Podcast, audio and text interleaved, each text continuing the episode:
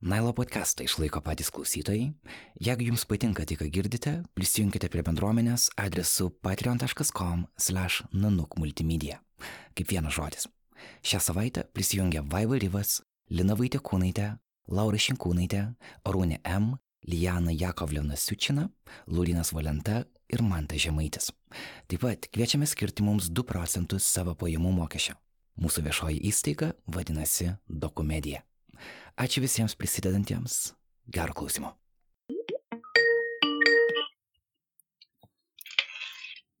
Taip. Sveiki. Sveiki, Jeva girdžiu tave. Taip, aš irgi girdžiu. Jūratė, ar girdit mus? Aha, girdžiu. Ar jūs mane girdit? Girdim, gerai.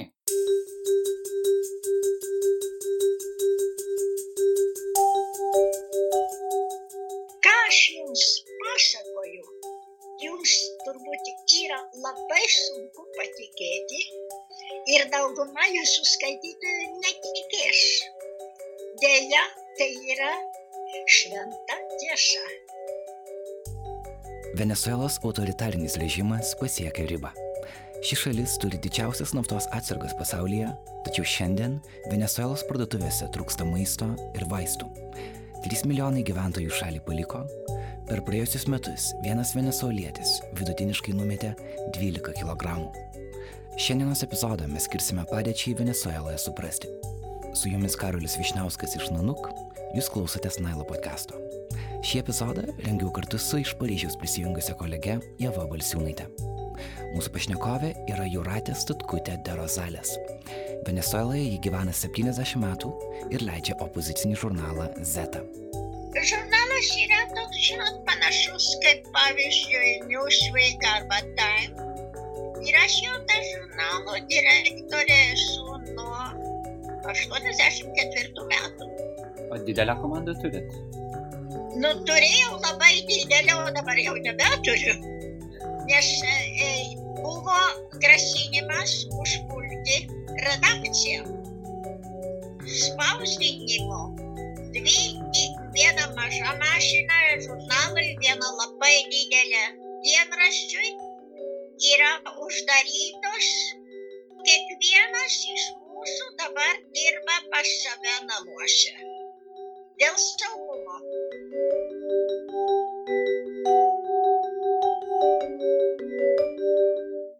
Juratė Rozalės užaugo Kaune, bet nuo 50-ųjų gyvena Karakase, Venezuelos sostinėje. Jai dabar yra 89.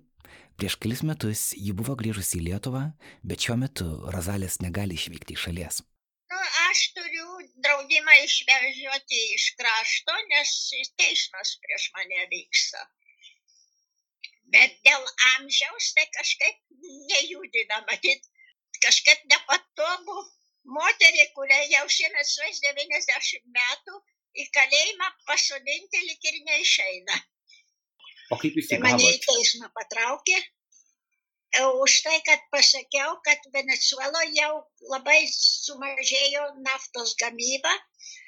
Pas prezidentas liepia tuos, kurie tą pasakė, patraukti į teismą. Ir sekančią dieną jau aš buvau teisme. Nu ir po to pasidarė, reiškia, at- atsirado draudimas išvažiuoti iš krašto. O paskui pati valdžia pripažino, kad taip yra. Bet draudimas liko. Juratės Rozalės vardas yra gerai žinomas Venezueloje. Kaip įtakinga žurnalistė, ji buvo pažįstama su Hugo Chavesu, buvusiu Venezuelos prezidentu. Šiandien ji yra svarbus opozicinis balsas. Galiu daug ką pasakyti ir sakau palyginti laisvai. Ir ką jūs sakot, koks jūsų požiūris į dabartinę situaciją? Kad einame jau prie galo to reikalo.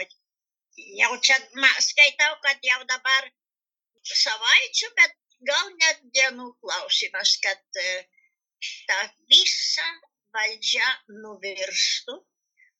Padėtis labai, labai panaši į tą, kurią aš mačiau Lietuvoje prieš pat komunistų jau pasitraukimą. Labai ir šiai įspūdis, kad kartais matai antrą kartą filmus remake.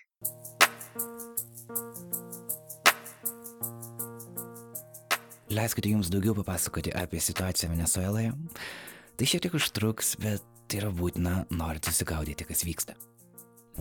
Grįžkime į 98 metus, kai šalies prezidentu tapo Hugo Chavezas. Jis valdė 15 metų, naftos kainos augo, Venezuela tapo stipriausia Pietų Amerikos valstybė, Chavezas pradėjo socialinės programas skurstantiems, tačiau taip pat įvedė autoritarinį valdymo režimą. Daug išlaidavusi, Venezuelos valdžia netaupė, o Chavezas visą šalies ekonomiką padarė priklausomą nuo naftos. Naftos kainos pradėjo kristi, kaip ir Čavezo sveikatos būklė. 2013-aisiais jis mirė nuo vėžio. Čavezą pakeitė jo statytinis Nikolas Maduro, gavęs nepavydėtiną darbą. Kainos augo, žmonių pasipiktinimas taip pat, Maduro neturėjo idėjų, kaip tai pakeisti. Lūžio taškas buvo pasiektas pernai gegužę, kai Maduro buvo perinktas prezidentu, bet tai nebuvo šalį vieninti pergalė, Venezuelos opozicija rinkimus laikė suklastotais, jų nepripažino ir tarptautinė bendruomenė. Ir šiemet, sausio 23-ąją, įvyko kai kas netikėto. Tikruoju Venezuelos prezidentu pasiskelbė Juanas Guaido, nacionalinės asamblėjos vadovas. Guaido yra jaunas, vos 35 metų politikas, mažai žinomas pačioje Venezueloje, tačiau jį kaip prezidentą jau pripažino Vokietija, Prancūzija, Junktinė karalystė bei JAV, o taip pat Latino Amerikos valstybės kaip Brazilija, Argentina, Kolumbija ir daugelis kitų. Tuo tarpu Maduro šalininkai turi kitą teoriją. Jie sako, kad Guaido yra tik įrankis JAV rankose, šiems siekiant užgrobti Venezuelos naftą. Maduro pusėje yra Venezuelos kariuomenė, ji taip pat palaiko Rusiją, Kiniją, Kubą, Meksiką ir Turkiją. Kol vyksta politinė kova, žmonės Venezueloje kenčia. Parduotuvėse trūksta būtiniausių prekių, o ligoninėse - vaistų. Venezueliečiai protestuoja gatvėse, dalis jų laukia aktyvesnio JAV įsikišimo į situaciją, gal netgi JAV kariuomenės įžengimo bet kiti būtent to bijo. Profesorius Noam Chomsky kartu su 70 kitų akademikų ir ekspertų pasirašė atvirą laišką, kuriame jie ragina, kad JAV nesistengtų jėga pakeisti režimą Venezueloje. Jie pasisako iš dėrybas tarp Maduro ir Guaido. Kitu atveju, anot jų, situacija gali virsti panašiai tą, kuri yra Irake, Sirijoje ar Libijoje. Kai po JAV kariuomenės ateimo buvo pralieta daug kraujo, bet chaosas tęsiasi likščiau. Taigi, tokia yra situacija, Jūratė Rozalės nekyla klausimų, kurioje pusėje stovėti. Ji yra ištikima opozicionierė, ji tiki, kad Maduro režimą reikia pakeisti, norint, kad Venezuela atsigautų. Bet su ja mes norėjome kalbėti ne tik apie tai. Mes norėjome suprasti, kaip atrodo kasdienybė ir paprastų žmonių situacija buvusioje turtingiausioje Latino Amerikos šalyje. Klausome jos.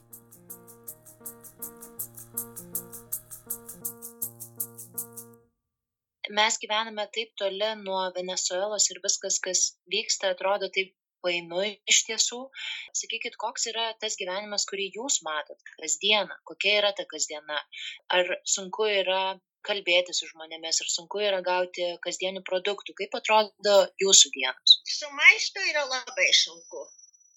Badas yra tikrai toks, kokio aš net neįsivaizdinau, kad mūsų laikais dar toks gali būti.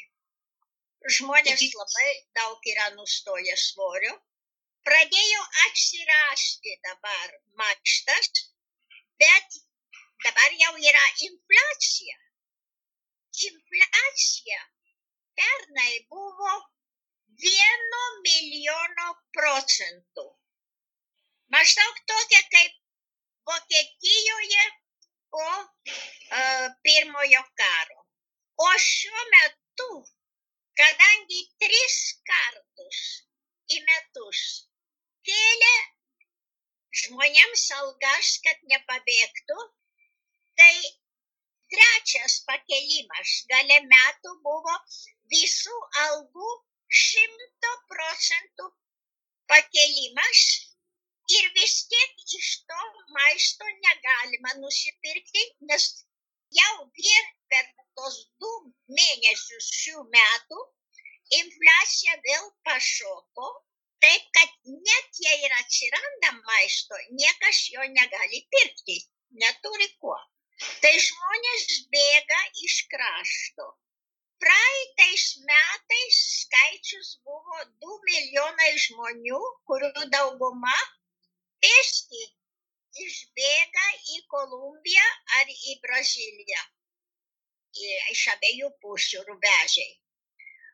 O šiomis dienomis man sako, Juratė, tu pasi, gerai apsiskaičiuok, nes jau atrodo, kad iš krašto išėjusių žmonių yra 3 milijonai. Tie, kurie išeina, pirmiausia stengiasi likusiems atsiųsti maisto. Nu tai tokia, tokia labai labai savotiška, neįtikėtina dabartiniams laikams padėtis.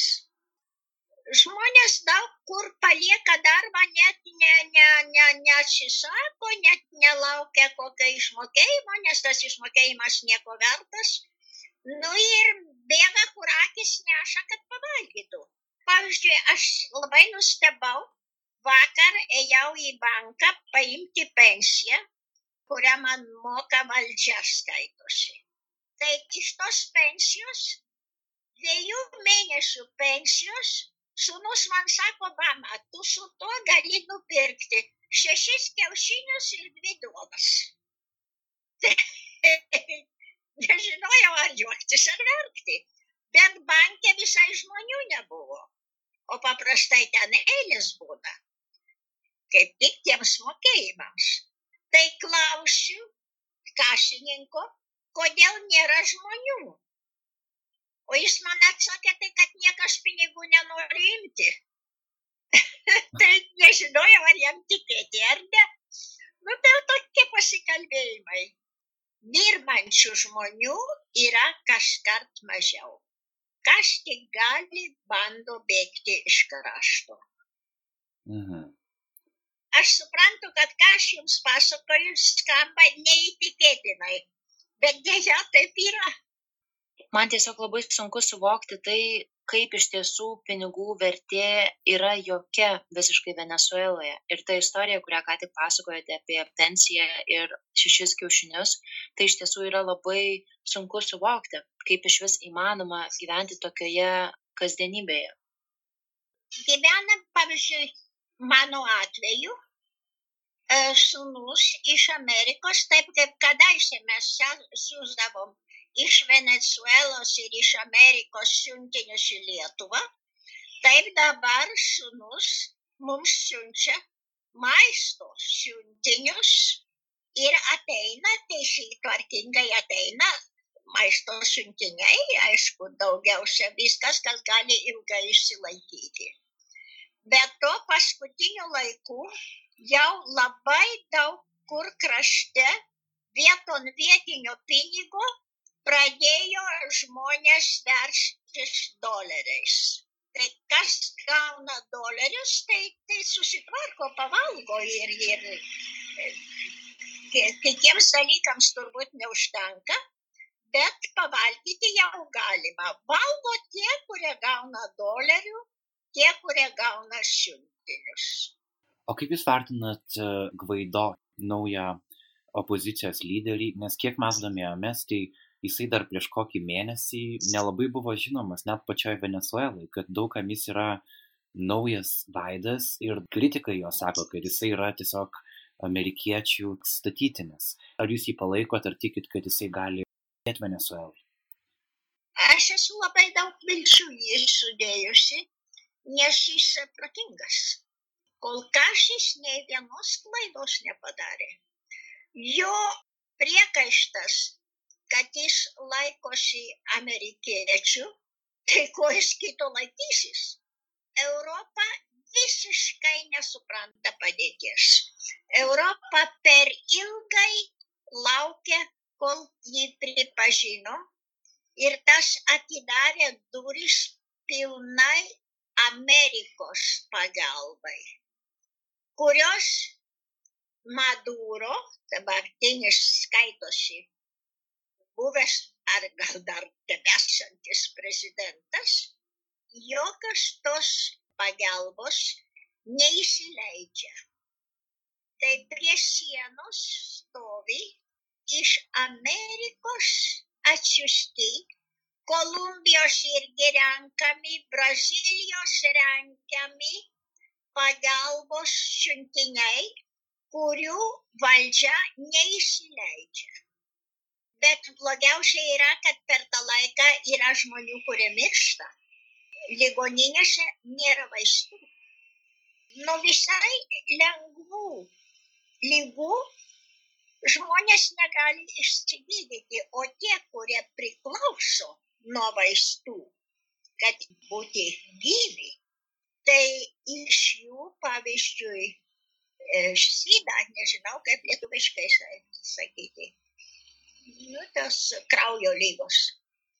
Tai iš tų jau mirimo procentas kaskart didesnis nes nėra pagalbos. Ir vienas iš pagrindinių priekaištų ta, kad neįsileidžia ne tik maistą, kiek vaistus. Ir Maduro būtent vadina humanitarinę pagalbą kaip intervenciją kitų šalių. Bet kaip jūs vertinat šitą situaciją? Nes yra sakoma, kad Guaido jis kaip tik labai inicijuoja būtent humanitarinės pagalbos tiekimą bet yra ir tokių kalbų, kad galbūt humanitarinė pagalba tampa ir politiniu įrankiu. Tai labai įdomu, ką Jūs e, galvojate apie. E, Žiūrėkite, viskas tas yra kitas pasaulis. Šiuo metu reikalas yra gelbėti ligonių gyvybės ir alkanų, ypatingai alkanų vaikų gyvybę ir sveikatą. Jau yra prieita prie tokio taško, prie tokios desperacijos. Ir Amerikos pagalba, žinot ką, čia labai yra ilgas, platus ir savotiškas klausimas. Per metų, metus per visą Ameriką, o vėliau ir Europą, eina propaganda labai ryški, atsiradusi iš Sovietų sąjungos ir labai stipriai išlaikyta visoje Pietų Amerikoje, kad amerikiečiai nori viską savo paimti. Pavyzdžiui europa atsistatė su maršalo planu ir tas nereiškia kad jie priklauso dabar amerikiečiams pietų amerikoj ta baimė šiaurės amerikiečių yra tiek įdiegta, kad tiesiai kalbi su protingais žmonėmis ir matai, kad yra įsitikinę, kad čia amerikiečiai jiems viską paims. Taip nėra. Taip nėra ir taip nebus. Lygiai kaip amerikiečiai davė maršalo planą ir paskui turėjo išvažiuoti. Mm. O ar yra žmonių palaikančių Maduro? Ar jis dar turi kažkokią realią valdžią ar ne? Nes jeigu yra, tada gali būti grėsmė, kad kils pačioje Venezuelai pilietinis karas, kad taip lengvai Maduro netiduos valdžios sunku žinoti aš ne nematau kad būtų labai galimas tas civilinis karas šiuo metu paskutiniai procentai apklausinėjimo žmonių nuomonės Venezueloje, tai Maduro, aš dabar neatsimenu, man atrodo, buvo 4 procentai tik tai, o Guaido 90 tiek tai. Maduro visiškai yra nepopuliarus. Visai ne. Bet aplinkui jį stovi visa ta labai labai praturtėjusių karininkų ir valdžios pareigūnų gvardija. Ir jiems dabar jų padėtis darosi labai, labai pavojinga jie neturi kur bėgti. Ir jie bijo bėgti. Yra tiek nusikaltimų, ypatingai su nužudimais ir su politiniais kaliniais, kad jie yra įstrigę, jie nežino, ką daryti ir nežino, kur gali pabėgti, kur jie bus saugus ir galės savo labai didelius milijoninius doleriais ir eurais turtus išlaikyti.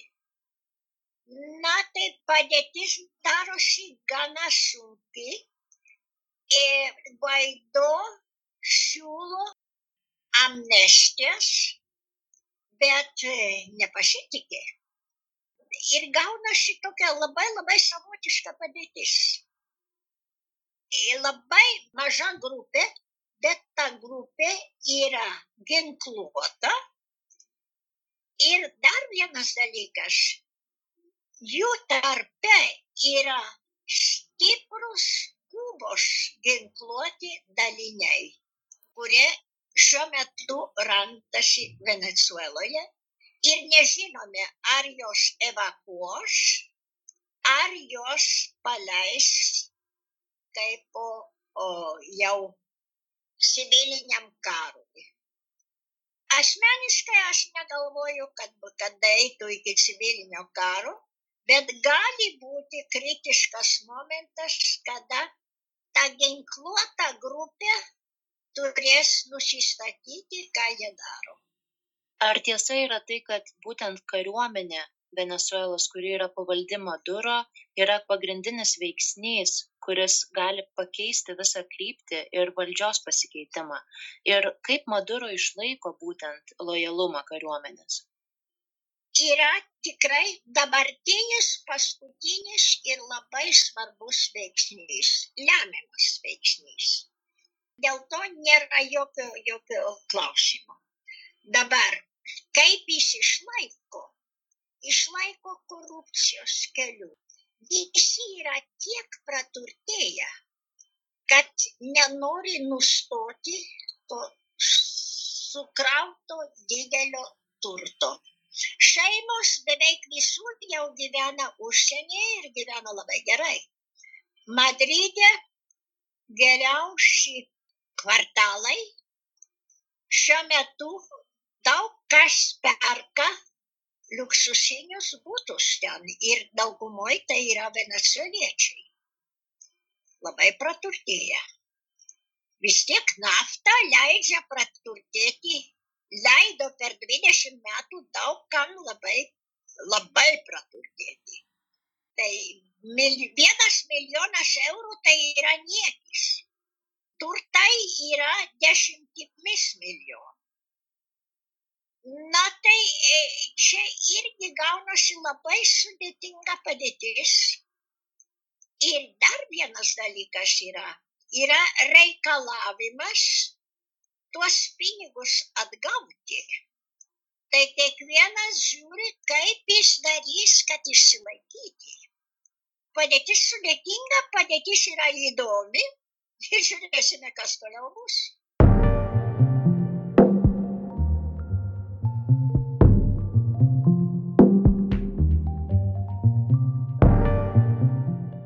Leiskite šioje vietoje sustoti ir padėkoti Nailo podcast'o partneriams MailerLite. Jie su mumis yra nuo pat pradžių, kai tik pradėjome šį darbą. Su MailerLite ir jūsų palaikymu prie Patreon mes galime daryti tai, ką darome - kiekvieną savaitę paleisti po naują epizodą. Bet kasgi yra MailerLite? Ši kompanija įsikūrusi čia pat Vilniuje siūlo naujienlaiškių kūrimo platformą. Platforma yra lengvai perkandama, patogi ir iki pirmų tūkstančio gavėjų ji yra nemokama. Mes patys ją naudojame nuo nuk naujienlaiškių, o tokių kaip mes pasaulyje yra virš 500 tūkstančių. Su šios kompanijos pagalba mes taip pat galėjome atidaryti pirmąją podcast'o parodą. Ji iki kovo 15-osios eksponuojama Vilniuje Martino Mašvido bibliotekoje. Kviečiame ten užsukti, o dabar grįžtame pas Juratę Rozalės, kuri prisimena savo pažintį su Hugo Čavesu.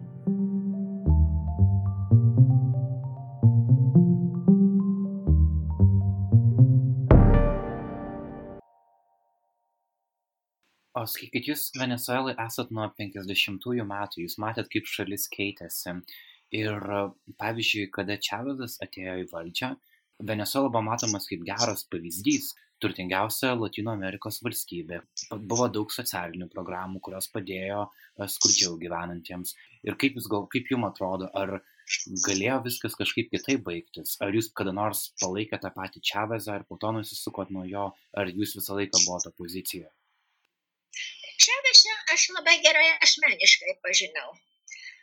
Kai jis išėjo iš kalėjimo po to pučio, kurį jis darė, tai jis labai stengiasi išgauti spaudos paramą. Ir labai dažnai pas mane ateidavo. Vieną kartą aš jam sakiau, klausyk, jeigu jau tu taip nori, gerai, aš tau padarysiu ilgą pasikalbėjimą ir duosiu ištisai žurnalę. Ir tu gerai pagalvok, ar tu to nori, nes mano klausimai bus nelengvi. Jis sako, oi, aš labai noriu. Ir tą pasikalbėjimą aš daviau žurnalę. Vienintelis kartas, kaip žurnalė daviau pasikalbėjimą, devinių pilnų puslapių. Nenubraukiau jam nei vienos raidės. Ir tada jau man Čavesas pasimerė. Jau visgi jau pamačiau, su kuo aš turiu reikalą. Jis labai geras aktorius buvo, labai mokėdavo žmonės uždegti, bet neturėjo rimto, tikro, ypatingai dėl ekonomijos pagrindo. Ir kaip tik po to ilgo pasikalbėjimo su manim, kokie keturi mėnesiai vėliau jis išvažiavo į Kubą ir ten jau pasidarė Fidelio Castro mokytis ir nuo to laiko jau viskas ėjo pagal Kubos nurodymus. Aš dar svarstau apie tai, kad Venezuela turi nu, tokią ilgą socializmo tradiciją ir galvojant apie pokyčius, kurie veikiausiai laukia labai dideli dabar Venezuelos. Tai visas priemonės, tarkim, kurias e, Guaido galvoja taikyti, amnestija pavyzdžiui, kaip manot, ar tai yra veiksminga tą tradiciją pakeisti Venezueloje? Matai, kad ta tradicija, Venezueloje ilgų tradicijų kol kas dar nėra. Atminkite, kad tai yra kraštas, kuris nepriklausomybę atgavo tik prieš 200 metų. Anksčiau tai buvo Ispanijos kolonija. Taip, kad didelių tokių tradicijų gal ir nėra. Yra labai labai įtvirtinta visų pietų Amerikoje tas antijankiškumas ir toks, aš pasakysiu, net kompleksas. Kodėl aš esu prastesnis? O to negali būti. Tuo labiau, kad dabar visgi ispanų imigracija Amerikoje yra gana didelė ir tos imigracijos kultūringiausi žmonės jau eina labai arti valdžios ir turbūt pereis į valdžią. Taip kad tie skirtumai dinksta. Ačiū Dievui, kad jie dinksta. Ir aš manau, kad vis tiek pavyzdžiui, su Kubos labai stiprią visoj Amerikoje propagandą ilgai negalės išsilaikyti. Taip kad aš manau, kad čia su laiku liks, kad reikia tame pačiame žemynė visiems kartu gyventi ir reikia susigyventi. Nemanau, kad tai būtų ilgalaikė situacija. Be to šiuo metu venecueliečiai tik nori atsigauti. Jam visai nesvarbu, kaip jie atsigaus. Jiems svarbu, kad jie tik atsigautų, kad jie pradėtų valgyti. Nes uh,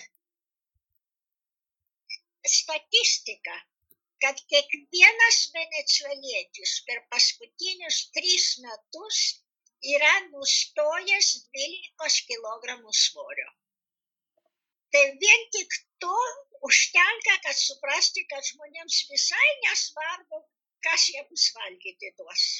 Siaubas 12 kg. 12 kg, taip. Statistiniai. Ar jūs jaučiat, kad irgi nu- numetėt svorio po šitų įvykių, kas kas O, žinot ką? mes gauname maistą iš Amerikos, mes- nevargstame. Bet vis tiek kažkaip valgoma mažiau. O mano vyriausi du sūnus yra vienodi dviniai. Vienas gyvena Paryžiuje jau labai nuo seno, o kitas dabar kaip tik kaip vyras mirė pas mus čia su šeima persikėlė. Kai aš pa- pamačiau juos abu kartu, aš sakau, žiūrėk, žiūrėk, mūsų svorio netekimo procentas yra namuose vienose dviejose. Dvyniai, o žiūrėk, vienas plonas, o kitas storas. Tai daug juoko iš to buvo, bet faktinai taip yra.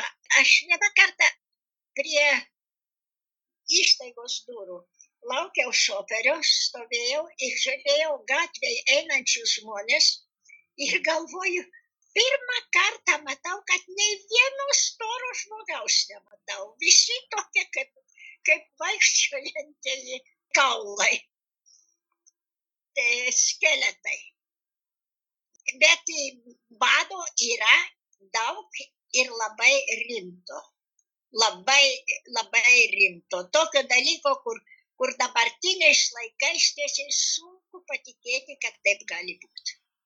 Kas man yra iš tiesų taip tragikomiška, tai kad Maduro neigia, kad humanitarinė krizė egzistuoja Venezuelai. Atrodo net sunku suvokti, kaip šalies vadovas gali laikytis tokios retorikos. Nu, į- bendrai į Maduro, kai jis sako, tai niekas daug niekad dėmesio ir nekreipė. Maduro yra labai savotiška istorija. Jis buvo paruoštas nuo pat pradžios kaip Kubos agentas Venezuelai. Jis nėra išėjęs jokio mokslo. Man atrodo, jis net nėra gimnazijos baigęs. Jis buvo autobuso šoferis. Ir jį nušantė dar labai jaunas buvo į Kubą, į specialią mokyklą agentų Pietų Amerikos kraštams. Ir jis ten visą tą mokyklą išėjo ir jis visą gyvenimą buvo pavaldus kubiečiams.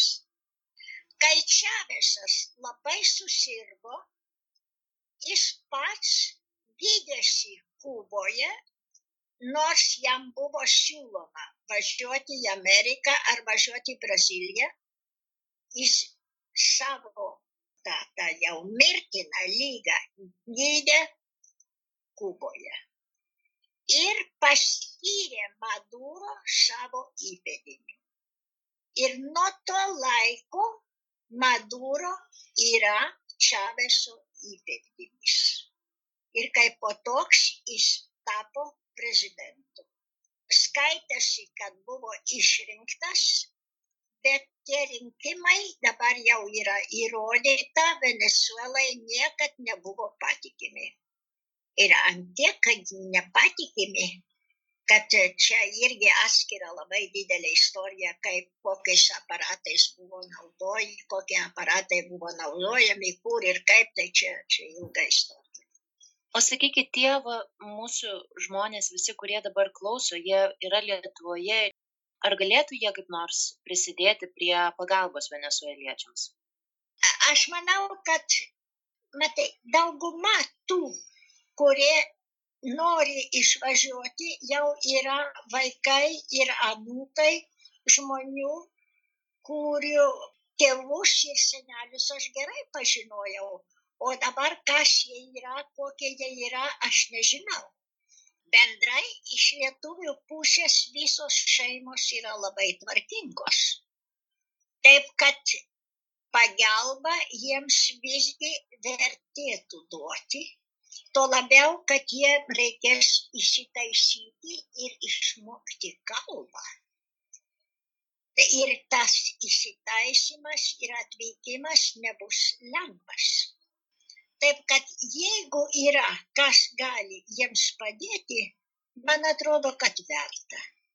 Ir yra tas, kad kaip yra lietuvių, pavyzdžiui, vasario 16 šventė, susirenka daug žmonių, kurie lietuviškai nekalba, bet kuriems tėvai yra įdėgę, kad ta Lietuva yra ypatingas kraštas. Tas yra labai gražu ir e, įdomu. Ir tikrai man atrodo, kad jeigu yra kas gali padėti, tai turbūt verta. O sakykit, paskutinis klausimas iš mano pusės. Ar tikit, kad sulauksit šito kitokios Venezuelos, ar, ar viskas taip greitai ne, neįvyks? Pirmą kartą, pirmą kartą matau, kad vyks greitai, nes aš visuomet sakydavau, ne, čia dar ne, čia dar ne, čia dar ne, palaukite. O dabar pirmą kartą matau, kad gali viskas išsirišti palyginti greitai. Gerai, ačiū jums labai, labai Ačiū. Jūrate. Ate. Viso geriausio. Malonu buvo pasikalbėti. Mums irgi. Labai malonu. Ačiū.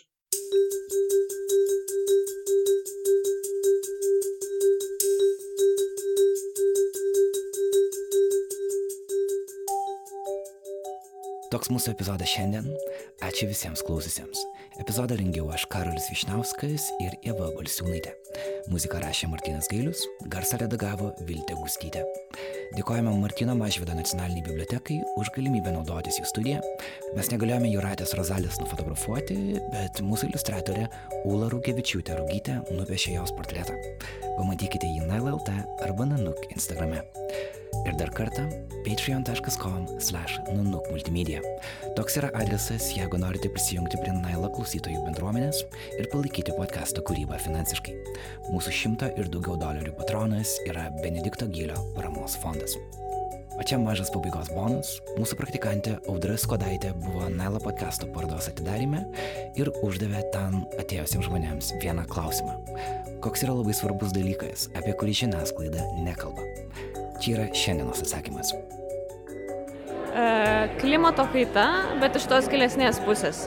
Nes tas pakankamai nekalba, aš čia turiu menį pakankamai nekalba ten, kur šiek tiek kalba. Nes dažniausiai nuo pačios mokyklos vadovėliuose yra šiltnamio efektas, kabutėse, kad mes turime rušiuoti, bet iš esmės apie tai nekalbama kaip apie didelę problemą, kad na, tai kažkurio metu nulems žmonijos likimą ir mūsų visų pasaulio likimą. Jeigu turite savo variantą, apie ką žiniasklaida nekalba ir apie ką mes podcast'e turėtumėm kalbėti, Naila etnonukelta arba mūsų Facebookas. Rašykit ir mes atkreipsime dėmesį. Naila podcast'ą rengia žurnalistų kolektyvas Nanuk. Ačiū, kad buvote kartu. Sustikime kitą savaitę. Iki.